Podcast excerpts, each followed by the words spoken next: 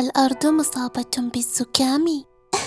اليوم سبب سعالها زلزالا. الأرض حقا مصابة بالزكام. حين تعطس تتكسر الأمواج فتتحطم البيوت.